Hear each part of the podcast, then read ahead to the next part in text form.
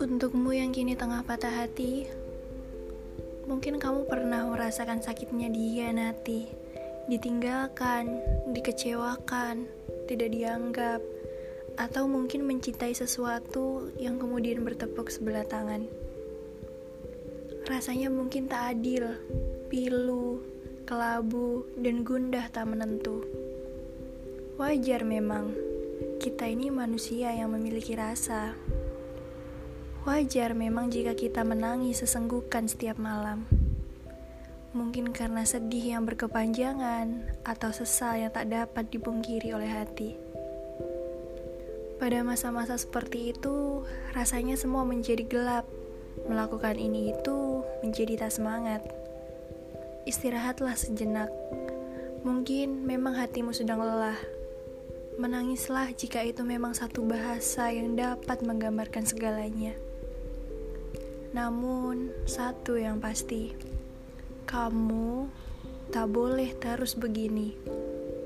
Usap air matamu, dan yakinlah kamu tidak sendiri.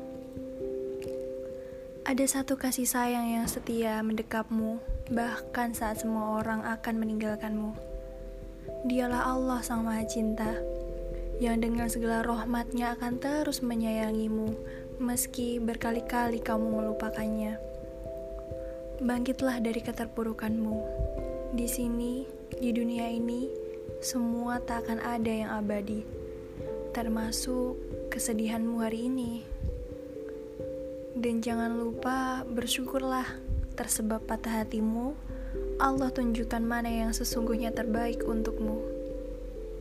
Maka, dari patah hati ini, aku mohon kembalilah tersenyum meski belum sepenuhnya luka itu kering.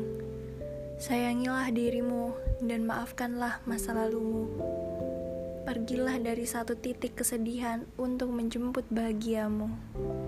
Jadilah tegar, menawan, dan baik dari hari kemarin. Dan percayalah, ketika seseorang menutup satu ruang hatinya untukmu, maka akan ada satu ruang hati lain yang menunggu untuk kau masuki.